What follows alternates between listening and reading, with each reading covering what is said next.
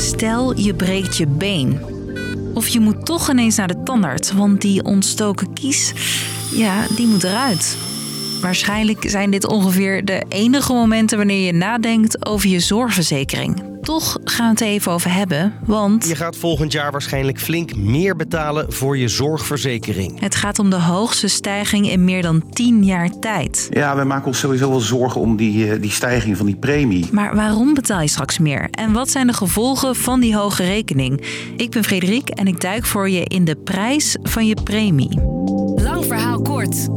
Een podcast van NOS op 3 en 3FM. Oké, laten we even die rekening van je zorgverzekeringen bijpakken. Eh, heb jij die, Sander? Kijk, ik, heb, ik had even opgezocht. Eh, Mijn collega Sander Zuurhaken volgt al het zorgnieuws.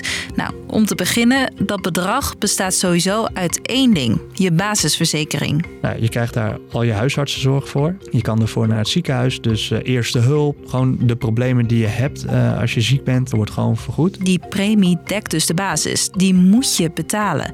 Maar stel, je draagt bijvoorbeeld een bril of je maakt gebruik van. Fysiotherapie, tandartszorg. Dan is een aanvullende verzekering ook wel handig. Maar dat hoeft niet. De basispremie samen met die aanvullende verzekering dekt dus een stukje van de zorg die je nodig hebt. Maar het dekt niet alles. Op het moment dat je naar de specialistische zorg gaat, dus het ziekenhuis, wat over het algemeen wat duurder is, dan moet je wel eerst een eigen risico betalen. Dat eigen risico houdt in dat je de eerste 385 euro zelf betaalt. Daarmee hopen ze dat je niet onnodig naar het ziekenhuis gaat. Ja, kan allemaal zorgen voor een flinke rekening. En die rekening wordt sowieso hoger, want Bij DSW gaat de premie met 11,50 euro per maand omhoog. En het gaat dan om de hoogste premiestijging in meer dan 10 jaar. een belangrijke oorzaak van die stijging, inflatie. Alles wordt duurder. Gas, licht, water. Ja, alles wordt duurder, ook voor ziekenhuizen. We hebben energiekosten, ook eh, allerlei innovatiekosten voor ICT, eh, opleidingen. Ook gaat er meer geld naar mensen die werken in de zorg.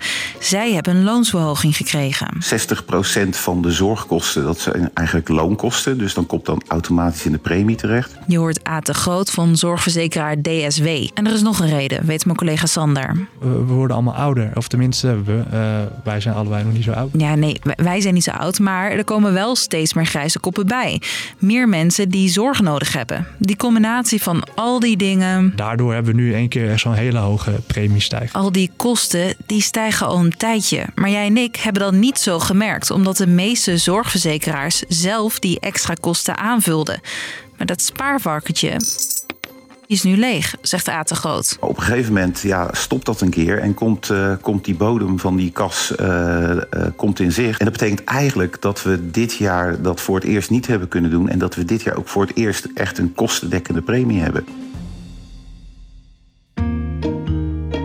Die rekening van die basispremie, die gaat omhoog. En er is nog wel een dingetje. Ja, de zorgtoeslag van de overheid gaat komend jaar juist omlaag naar 127 euro per maand. Die zorgtoeslag is bedoeld voor mensen die iets minder te besteden hebben. Juist zij gaan al deze veranderingen voelen. Waar voor wordt gevreesd en waar mensen ook voor waarschuwen, is dat gewoon heel veel mensen het gewoon niet kunnen betalen, hun premie. Dikke kans dat er meer mensen kiezen voor een hoger eigen risico om zo korting te krijgen op hun premie.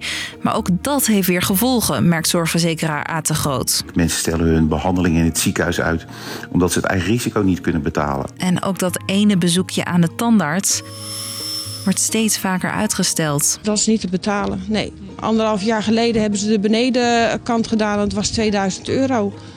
En dan, ja, dan weet je gewoon niet meer eh, wat je moet doen. Al die stijgende prijzen zorgen dus voor veel stress bij mensen. Dus ja, daar, daar zijn veel zorgen over. Want kijk, als jij, als jij in de stress komt van schulden, dan kom je vaak ook in allerlei psychische problemen. Eh, nou, hebben we weer meer zorgvraag. Ja, dus dat is bijvoorbeeld een enorme zorg eh, die nu speelt. Hè? Van, goh, eh, hoe, hoe- hoe lang hou je dit nog vol? Specifiek voor bepaalde eh, bevolkingsgroepen die wat eh, armer zijn.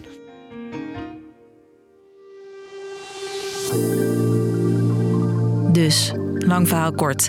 Je gaat volgend jaar meer betalen voor je zorgverzekering. Komt onder meer door hogere lonen van zorgpersoneel en ook vergrijzing speelt een belangrijke rol.